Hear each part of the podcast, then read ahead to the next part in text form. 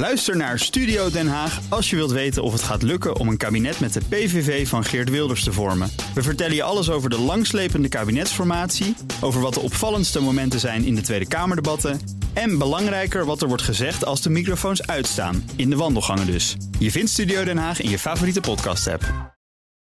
BNR Beurs wordt mede mogelijk gemaakt door Bridge Fund. Make money smile. BNR Nieuwsradio. BNR Beurs.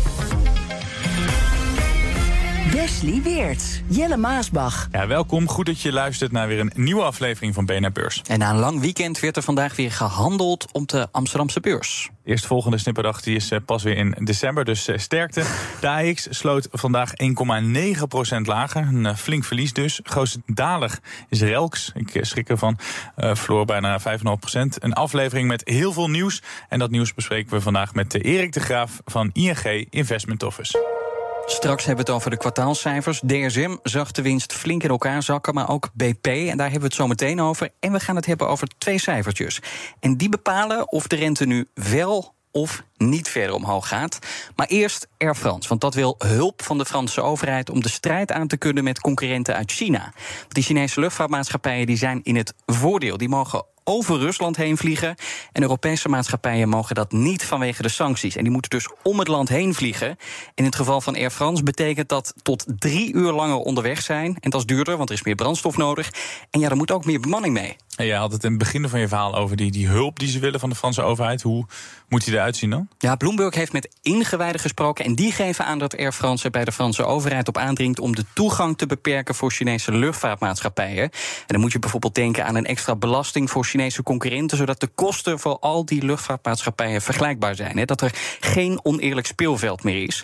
En ook in Amerika vrezen luchtvaartmaatschappijen voor oneerlijke concurrentie vanuit China. En daar hebben ze president Joe Biden gevraagd om eh, extra landingsrechten voor Chinese luchtvaartmaatschappijen alleen goed te keuren als die vervolgens beloven om niet over Rusland heen te vliegen. Ja, we zijn eh, net bijgekomen van de redding van First Republic. Uh, mocht je het gemist hebben, check de aflevering van gisteren nog even in je favoriete podcast-app. De rust is uh, terug in bankenland. Althans, dat lijkt zo. Nou, als je het zo zegt, dan moet er wel slecht nieuws zijn. Nou, niet ik, maar Gary Cohn heeft dat. Hij was de economisch adviseur van president Trump. Daarvoor de COO van Goldman Sachs. Hij zegt, er komt nog narigheid aan. De val van First is niet de laatste. What you learn in the banking industry, it's usually the problem you're not talking about. Everyone wants to talk about commercial real estate. There's probably other things in the banking books right now that are going to probably be more problematic than the commercial real estate. Like what? Because I bet you know. no, I've, you know, I just think that it's never what you think it's going to be. Ja, hij eh, denkt dat er nog wel wat meer banken het lastig gaan krijgen de komende tijd. En dan de Europese industrie, want die zit op een driejarig dieptepunt. De inkoopmanagersindex voor de industrie daalde namelijk naar 45,8 in april. Nou, dat cijfertje kun je wat mij betreft vergeten. Maar wat wel belangrijk om te weten is, is dat een cijfer onder de 50 krimp betekent. En vooral in Italië was de terugval groot, al was er tegelijkertijd ook een opsteken, want de daling van die productie viel namelijk samen met lagere grondstofkosten. Sterker nog, de kosten van grondstoffen daalden in het snelste tempo in eveneens bijna drie jaar tijd. En dan nog even een uh, leuk nieuwtje over een uh, Nederlands bedrijf. Een mega-order voor SBM Offshore. Dat heeft namelijk een tienjarig contract binnengesleept bij ExxonMobil. En het uh, mag de exploitatie en onderhoud doen van drijvende olieplatforms. En die deal die is goed voor een omzet van 3 miljard dollar. Nou, dat is lekker voor de omzet. En dat komt ook wel goed uit. Daar hebben we het eerder wel eens over gehad. Hè? Want vorig jaar was de orderportefeuille van SBM voor ruim 30 miljard dollar gevuld. Dit jaar wordt uitgegaan voor wat minder. Dus nou, je kan je wel voorstellen als een enkeer deze order erbij komt. ja? Dan komt dat lekker uit voor die omzet. De Amerikaanse regering zit bijna zonder cash. Alleen deze maand hebben ze nog geld en daarna is hun plafond bereikt. Rot voor hen, maar misschien ook slecht nieuws voor jou. 2022 was een recordjaar voor grote oliebedrijven. Beleggers van Exxon, Chevron, Shell, BP en Total Energies profiteerden volop mee van de extreme winsten. Dividend werd verhoogd en oliebedrijven die kochten voor vele miljarden aan eigen aandelen in. Maar nu de olieprijs stagneert, is de vrees dat al dat cash niet meer zo rijkelijk naar de aandeelhouders gaat vloeien. Zo ziet BP de winst in het eerste kwartaal teruglopen. En als je alle eenmalige kosten wegdenkt, dan is de winst in een jaar tijd met dik een miljard gedaald en komt nu uit op zo'n 5 miljard dollar. Is die dalende olieprijs de enige reden dat de winst is ingezakt, Erik? Uh, nou, het is niet de enige reden. Het is wel een hele belangrijke reden. Uh, je kosten stijgen, want je wil wat meer gaan exploiteren. En sowieso je personeelskosten stijgen. Maar ja, de olieprijs is, is by far het belangrijkste. Ja, toch. Het, daalt die winst, maar het zit nog altijd wel op een nou, toch een redelijk hoog niveau. Komt dat doordat ze tegelijkertijd meer zijn gaan produceren? Zit niet zozeer in de volumes, het zit met name in, in de prijs en de kosten die ze structureel verlaagd hebben in de afgelopen jaren. En dat is iets wat je ziet waar je dus een, een, ja, een, een, een mooie margeverbetering ziet eigenlijk. Wat viel jou verder op uh, in, die, uh, in die cijfers? Ja, uh, op zich waren ze als verwacht een forse daling. En dat zal het tweede kwartaal nog, uh, nog sterker zijn, want je ziet de olieprijs dalen. Uh, nou, wat, wat tegenviel, wat de markt in ieder geval tegenviel, is dat de cashflow minder hoog uitkwam. Enerzijds door die lagere winst, en anderzijds omdat er een hele grote bonussen aan personeels moesten worden uitgekeerd. Omdat ah. het vorig jaar zo'n goed jaar was. dus het is een, dat is een eenmalig iets. Ja, ik wil zeggen, want dat hebben ze misschien niet in het tweede kwartaal nog een keer, dat, die, die enorme bonus. Dat zal in ieder geval minder zijn. En dat is, wordt natuurlijk allemaal, allemaal gebundeld. Ja, gek, gek genoeg zou je dat mogen verwachten. En dat, dat staat ongetwijfeld allemaal in de jaarverslagen, maar dat viel tegen. En er werd ook een moment gezocht, tezamen met een dalende olieprijs, om die koers wat, wat onder druk te zetten. Hij heeft het ook zo'n 15% beter gedaan dan zijn Europese concurrenten. Tenminste, tot vandaag. Ja, want is dat ook iets wat die andere oliebedrijven allemaal doen? Allemaal strooien met bonussen voor het uh, personeel? Ik weet niet de exacte percentages, maar ja, er, er zitten, er zitten voor uh, duidelijk... als het beter gaat, dan profiteert het personeel ook mee. Ja. Ja. Dat verschilt wel een beetje. Uh, Anglo-Saxisch zal het wat meer zijn dan, dan in Europa. Hoe doet BP het vergeleken met die andere oliebedrijven, vind jij? Je bedoelt operationeel? Ja, ja, uh, ja. nou, ze hebben het, het voordeel gehad dat ze een vrij grote gasproductie hebben, wat, uh, wat in Europa geholpen heeft.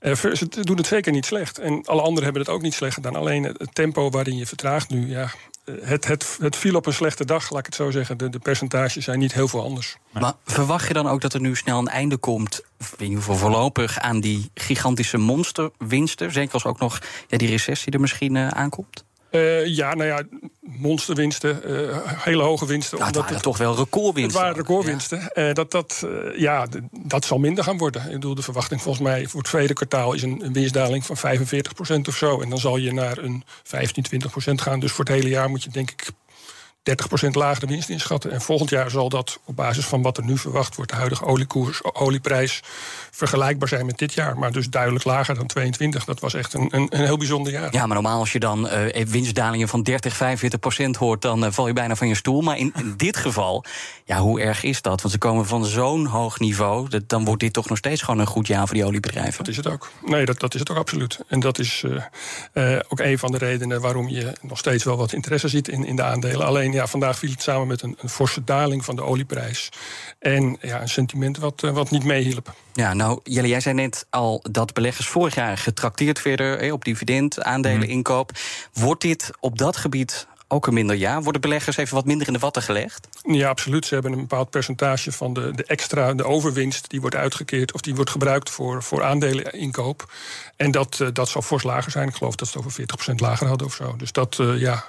En alweer, ook dat was verwacht of was te verwachten. Het wordt dus wel iets minder. Jij zegt ook in het tweede kwartaal gaat die winst verder uh, naar beneden. Maar toch maak ik zo uit jouw woorden op dat het nog steeds wel een goede sector is, een goed aandeel eigenlijk om te hebben? Het ligt eraan waar je naar kijkt. Als je kijkt naar een dividendrendement, uh, je zit op uh, 5,5% of zo. En ja. dat geldt voor, uh, voor Shell en voor, voor Total Energies even, even hoog of hoger. Ja. Dus dat, is, dat, dat geeft wat steun. Het, het, ligt aan de olieprijs. De algemene verwachting is dat die ja, misschien rond dit niveau blijft. En dan kan je een, een, een, periode van gezonde winst zien. Maar winstgroei, dat zal je niet gaan vinden in deze sector waarschijnlijk in de komende jaren. Verder waren de beurzen vandaag in de band van twee dingen. Eén, de Europese inflatie. En twee, een rapport over de bankensector. En om met die inflatie te beginnen, die is niet gedaald. De Europese inflatie klimt naar 7% En uit dat rapport van de ECB komt naar voren dat het voor bedrijven en gezinnen lastiger is om geld te lenen. Sinds 2011 zijn banken niet meer zo streng geweest. Die inflatie, Erik, waardoor viert die weer op? Het is een combinatie van factoren, maar het is nu niet zozeer uh, de energieprijs, maar met name uh, ja, boodschappen, huur, al dat soort zaken. Als je ook kijkt naar de core-inflatie, zat je meer richting 5,6 procent. Dus daar worden een aantal dingen uitgehaald en dat is een belangrijk cijfer. En dat was eigenlijk in lijn met verwachtingen. Ja, en als je kijkt naar die uh, banken, die worden dus wel minder scheutig met lenen. Sterker nog, sinds de eurocrisis van 2011 zijn ze niet zo voorzichtig geweest. Begint dan het beleid van de ECB zijn vruchten af te werpen? Kunnen we dat zo stellen? Uh, ja, het, heeft er wel, het heeft er zeker mee te maken. Op het moment natuurlijk dat sowieso er geen sprake meer is van gratis geld. En het moment dat ook banken uh, wat verder moeten gaan kijken dan naar, naar de mogelijkheid dat een bedrijf het niet overleeft als het, als het verkeerd gaat. Wat ja, in ieder geval veel minder een probleem was, omdat er, uh, ja, het, het, geld was gratis. Ja dan ga je uh, toch wat strenger worden. En ik denk dat, dat dat zeker een rol speelt. Ja. Normaal was het niet een leuk rapport geweest om te lenen dat banken voorzichtiger worden. Nu zal misschien Christine Lagarde en haar team denken van nou. Ja, het is een van de consequenties van, van het, het beleid van, van de ECB. Ja. ja. Dat dus, uh, dit is ja, naast de hogere rente. De doelstelling is je economie afremmen. En dat lukt op deze manier. Ja, banken verstrekken minder leningen. Kerninflatie daalt dus. Komt dan ook daarmee het einde van die renteverhogingen in zicht? Uh, we verwachten wel dat je een heel stuk die kant op gaat. We verwachten voor morgen nog een kwartje en volgende maand waarschijnlijk nog een kwartje. Als je praat over de ECB. Uh -huh. Um, voor in Amerika waarschijnlijk nog eenmaal een kwartje. En, en dan zou je er zo'n beetje moeten zijn. Aan de andere kant, uh, ja, inflatie is, uh, is, is nog zeker niet laag. En er zijn nog genoeg redenen als je kijkt om je heen. al is het maar naar de Albert Heijn, waar je over 10% praat, wat niet genoeg is. En dat is in veel landen in Europa zo. Dat je aan, aan die kant nog wel weer een wat extra ja, druk, of tenminste uh, verhoging van, van ja, inflatie van krijgt. Ja. ja. en ook als je naar die kerninflatie krijgt, want die da daalt nu weliswaar, maar nog steeds die 5,6 procent. Nou, dat zit nog niet bij die 2 procent doelstelling nee, van de ECB. Nee, dat, dat zit er ook. Er zit natuurlijk wel een, een normaal patroon in. De jaar op jaar vergelijking wordt wat makkelijker. Maar ja, 2 procent uh, lijkt wat uh, te ambitieus. BNR Beurs. Wall Street, rode borden, de Dow Jones en de S&P 500 staan allebei anderhalf uh, procent lager. De Nasdaq gaat er 1,3 procent af. Uber valt op, want het aandeel stijgt bijna 10 Het bedrijf zag de omzet met uh, zo'n 30% stijgen. En Uber profiteert van de toegenomen vraag naar reizen en maaltijdbezorging. En ook gaf het uh, positieve verwachtingen af voor het lopende kwartaal. Nou, daar wordt het dus voor beloond. En ook NXP wordt beloond. Aandeel 2,8% in de plus. Het is een Nederlandse chipfabrikant, maar heeft een notering in New York. Omzet en winst hoger dan verwacht. En dus ook het aandeel hoger. Ja, dan wil ik het hebben over ja, toch wel uh, de slemiel van de beurs. Check, een bedrijf dat zich richt op uh, bijles, maken digitale en fysieke leerboeken. Ken het ook niet, bieden huiswerkhulp aan. Ja, we kennen het volgens mij allemaal niet. Maar uh, ja, het probleem dat ze hebben, daar hebben we het heel vaak over. AI. Mm -hmm. Jouw favoriete onderwerp, hè? Ja. kunstmatige intelligentie. Zo'n beetje elk tegenbedrijf stort zich erop. De CEO van Check zegt: AI is een bedreiging voor mijn bedrijf. Het gaat uh, onze groei afremmen. Nou, dat heeft de beurskoers geweten. 48,5% gaat er van de beurskoers af. Dus ik denk dat aandeelhouders misschien liever hadden gehad dat de beste man uh, het niet over AI uh, nee, had gehad. Je ziet hier wel heel erg duidelijk dat het dus een markt kan ontwrichten. In dit geval die markt ja. van hulplessen. En ik denk ook nog wel dat we meer van dit soort uh, meldingen. Een en van de eerste bedrijven. Ja, dalingen voorbij gaan zien komen. BNR Beurs. Nog vier weken en dan kan de Amerikanen hun rekeningen niet meer betalen, de Amerikaanse overheid. En dan wordt het zo gevreesde schuldenplafond bereikt. En dat is veel sneller dan eerder werd voorspeld. June 1st is the new date after which Treasury Secretary Janet Yellen says the debt limit must be raised. Otherwise, the country will uh, enter a very precarious fiscal situation. Minister van Financiën Janet Yellen roept het Amerikaanse congres nu op om dat plafond zo snel mogelijk te verhogen. Meer schulden maken, anders hebben de Amerikanen geen geld meer om uh, uit te geven. Ja, Erik, we hebben dit wel vaker gehoord, maar dit klinkt dan weer net wat paniekeriger. Waarom maakt uh, de minister van Financiën zich zoveel zorgen daar? Uh, nou, we hebben het inderdaad vaker gehoord. Op precies te zijn 80, ruim 80 keer sinds we dat bedacht hebben. Dus dat geeft ook al meteen een beetje aan. Het is, is een hoop kabaal. En uh, als het allemaal denkende mensen zijn, dan komen ze tot een oplossing. Want niemand wordt blij van een, een, een schuldencrisis uh, en het niet meer kunnen betalen van zaken. En daar draait het meestal ook op uit.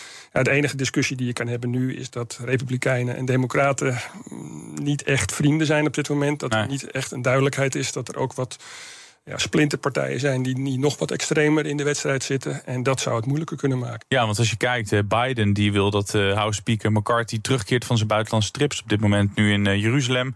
hij wil over een week komen met alle politieke kopstukken om de tafel. Begrijp je wel dat hij druk erop houdt? Ja, ja als, als je praat over 1 juni, dan, dan moet je nu actie gaan ondernemen. Ja. Want het is niet dat je ja, waarschijnlijk in, in, in twee uurtjes goed praten dat je tot, tot iets komt. En ik denk dat het ook een manier is om, om aan te geven dat, dat het serieus is en, en dat ze er serieus mee aan de slag willen. Maar het zijn ook vaak speldenprikken, zoals we dat hebben gezien met de benoeming van de laatste Kamervoorzitter en, en, andere zaken. Het is, het is allemaal erg politiek op dit moment. Ja. In januari botste de overheid al op dat schuldenplafond. Hoe kon de overheid dan toch aan die verplichtingen allemaal blijven voldoen? Ja, ze hebben wat, wat ik ervan begreep, ik heb niet alle details gezien, maar ze hebben wat lopen, lopen schuiven met, uh, met de manier waarop het uitgegeven mag worden en, en hoe het genoemd wordt. Mm -hmm. Dus wat uh, ja, cosmetische ingrepen. En, en, daarmee is het gerekt tot, uh, nou ja, in ieder geval tot 1 juni, maar dat, zou, dat zou ook nog wat later kunnen zijn. En, ja, een, een, tijdelijke oplossing waarmee je drie maanden verder kan om tot een, een, een definitievere oplossing te komen, dat, dat zou ook heel goed kunnen hoor. En wat als het schuldenplafond niet wordt opgehoogd? Ja, in theorie eh, stoppen dan de betalingen. En, en dat betekent dat er een discussie over ontstaat over waar uh, het restgeld naartoe moet. Uh, aandeelhouders, sorry, nou niet aandeelhouders, uh, obligatiehouders of, of het personeel. Of, ja. Nou, er zijn heel veel partijen die daar vinden dat ze daar als eerste recht op hebben. maar dat betekent in principe dat er dus minder geld, of dat er geen geld beschikbaar is voor, voor heel veel zaken. Dat je gaat beginnen met musea dicht doen en allerlei andere zaken. En nationale parken gaan dan dicht, ambtenaren krijgen. Precies. En, het, het, is, het is een patroon wat, uh, wat volgens mij uh, escaleert uh, in verschillende stappen. Maar ja, het is niet een scenario wat, wat helpt verder op dit moment, denk ik. Ze hebben al genoeg problemen zonder dit soort zaken. Kan het de economie het laatste duwtje richting de recessie geven? Als het zover komt, zou dat, zou dat kunnen. Maar ja, ik, ik denk, maar ook wij als denken die oplossing dat, dus weer vooruitgeschoven wordt. Nou, dat, dat zal wel meevallen. Uh, het, het, is natuurlijk het is een hoop geld, laten we dat vooropstellen. En het is een, het is een, een procent of vijf van de, van de totale economie waar je, die je verstoort hiermee. Uh, het is een stukje vertrouwen. Uh, maar ik denk dat de, de, de, het basisscenario, dat iedereen gelooft dat ze eruit gaan komen. Wat ik altijd zo fascinerend vind, wij zien dat als de veilige haven, Amerikanen, dat, hè, dat, de, de grootste econ economie, een goede handelspartner, maar dat ze deze constructie hebben verzonnen. Ik denk toen ze verzonnen dat ze dachten dat het allemaal niet zo'n probleem was. nee, dat ze Alleen terug zijn gekomen. Dat, dat het waarschijnlijk toen hele hoge bedragen waren die. Uh, ja. Ik weet niet wat voor tijdspad er was hoor, maar dat die tien jaar later dat het nog niet zulke hele hoge bedragen bleken te zijn. Jij zei terecht, het is al 80 keer eerder gebeurd. 80 keer zijn daar krantenkoppen van gemaakt, zijn er radio-uitzendingen mee gevuld. Uh, doen wij lopen, nu ook? Doen wij er nu ook, lopen wij als journalisten achteraan. Maar als belegger, als je dit nou moet duiden, wat, wat betekent het uh, voor jou als belegger? Ja, niet, niet zoveel. Het is, het is een van de, de ja, laten we zeggen, de randgeluiden. Het is niet iets waar wij, waar wij wakker van liggen, waar wij verwachten dat dit grote problemen gaat geven of waar we uh, strategieën op afstemmen. Nee, Erik, wij, wij, belden jou vanochtend en toen zeiden we, nou, we willen het onder meer hierover hebben. Maar voordat wij jou benaderden, had je hier überhaupt rekening mee uh, gehouden of naar gekeken? Of je zei al, we hebben hier niet echt scenario's over liggen. Um, het, het, is ter sprake gekomen bij ons eigen investment management comité oh, vorige maand of vorige week. En dat het op enig moment weer ter discussie zou gaan komen. Uh, maar ook toen hadden we zoiets van ja het is uh, ja, van die dingen die erbij horen, net zoals nieuwe presidentsverkiezingen. Uh, er gaat van alles gebeuren en uiteindelijk gebeurt er niet zo heel veel. En toch zag ik bij Bloomberg en bij CNBC dat het wel echt de financiële markt op zijn kop uh, kan zetten. Dat ze toch echt wel, sommige commentatoren zich wel echt grote zorgen maken. Ja, nou misschien dat die een, een, een, een kant van het verhaal willen verkopen. die moeten nieuws maken. Die, wij, wij proberen het geld zo, zo stabiel mogelijk te beleggen. Dus we proberen weg te blijven van ja, eendagsvliegen of, of discussies ja. waar je niet echt iets mee opschiet als belegger. Nee, jij denkt dus dat het wel losloopt. Kan het ook als het uh, gaat rommelen uh, ook wat betekenen voor Amerikaanse aandelen of blijven die gewoon rustig liggen? De definitie van rommelen is, is, is als je praat over de dingen echt fout gaan. Maar daar gaan we niet van uit. Dus ik, ik denk dat je daar niet. Uh, dat, dat er genoeg andere dingen zijn om je druk over te maken. Dat is ook fijn, een keer iemand die ons geruststelt. Hè? We hebben alleen maar die waarschuwingen de hele tijd ja, in het ja. programma. Van Gary Cohn tot, uh, tot aan uh, Janet Yellen. En een keer iemand die voor wat rust zorgt. Ook. Zeker. En dan gaan wij kijken wat er morgen op de agenda staat. Beleggers kijken met z'n allen naar één stad: Washington. Het bestuur van de Fed, de Amerikaanse centrale bank, komt daar met hun rentebesluit. En de vraag is: durft de Fed de rente verder te verhogen tot boven de 5% En de vraag daarna is: wanneer is het mooi geweest met die verhogingen? Analisten verwachten dat Fedbaas Jerome Powell er na deze wel klaar mee is. Dan naar de kwartaalcijfers, want ook die zijn er weer op deze dag. Je kan de resultaten verwachten van onder meer Wolters Kluwer, Kraft Heinz en Airbus. En analisten denken dat de vliegtuigbouwer opnieuw profiteert van het herstel van de luchtvaartsector. Ja, en jij eh, zei het al, hè? zowel de ECB als de Fed eh, komt uh, met een verhoging. Ja, dat is de algemene verwachting. Ja. ja, dus die hebben we al. Dit was hem bijna, want voor we eindigen vragen we onze gasten altijd om een tip. Iets dat je kan gebruiken dit cijferseizoen. We zouden het bijna vergeten, maar we hebben nog kwartaalcijfers gehad. Nog genoeg. Erik, wat zou jij de luisteraar mee willen geven? Ja, ik, ben een hele tijd uh, tech-analyst geweest. En mijn motto was toen buy the winners. En dat is mijn motto nog steeds voor een hoop techbedrijven. En ik denk dat bijvoorbeeld Uber opnieuw heeft laten zien dat het zo werkt. Uh, je hebt de voordelen dat je, geen, of dat je veel minder last hebt van, van schuldissues, uh, rente-issues, et cetera. Omdat je genoeg, groot genoeg bent om het zelf op te halen eventueel. En je drukt andere partijen uit de markt. En het zijn over het algemeen de bedrijven in, in sectoren, met, met name in tech, die het beste doen. Die als ze eenmaal groot genoeg zijn, ja. uh, alle macht grijpen. En ook als belegging heel goed werken. Want het heeft wel even geduurd uh, bij Uber natuurlijk. Nu uh, doen ze het lekker op de beurs. Ik noem het als voorbeeld, maar ja. je hebt het ook bij Microsoft, je hebt het bij Alphabet gezien. Je hebt bij eigenlijk heel veel van dat soort bedrijven. Dat dat het op een gegeven moment ophoudt voor de, de tweede en derde plaats, omdat daar gewoon onvoldoende geld verdiend wordt. Ja. Wat vind jij verder, je noemde al wat namen, maar wat vind je verder dan de winnaars uh, op dit moment? Dan weten wij namelijk op welke aandelen we moeten letten. ja, ik, ik denk dat, het, dat er een heel breed scala aan aandelen zijn. En dat is natuurlijk afhankelijk van je waardering, et cetera. Uh, maar ik geloof, we geloven absoluut in, in tech en in communication services als, als bedrijven. En dan praat je nou ja, over een alfabet. Uh, meta zijn we erg enthousiast over, toch wel weer geworden op lagere niveaus, moet ik er wel bij zeggen. Um, ja, Microsoft noemde ik al. NXP was eigenlijk ook wel een heel goed verhaal. Um, en zo heb je er nog wel een paar. Een, een, een Broadcom. Nou, dankjewel. Op de valreep nog even wat uh, mooie namen. Erik de Graaf voor hier van ING Investment Office. En jij bedankt voor het luisteren. En wij, uh, Wes, zijn er morgen weer, hè? Zeker. Weer met een hoop namen waar je op moet letten dan. Tot morgen. Tot morgen. BNR Beurs wordt mede mogelijk gemaakt door Bridge Fund. Make money smile. Ook Diana Matroos vind je in de BNR-app. Ja, inderdaad. Je kunt live naar mij luisteren tijdens de Big Five. Ook handig in de BNR-app. Breaking nieuwsmeldingen, maar ook het allerlaatste zakelijke nieuws. En je vindt in de app alle BNR-podcasts, waaronder Wetenschap Vandaag. Download nu de gratis BNR-app en blijf scherp.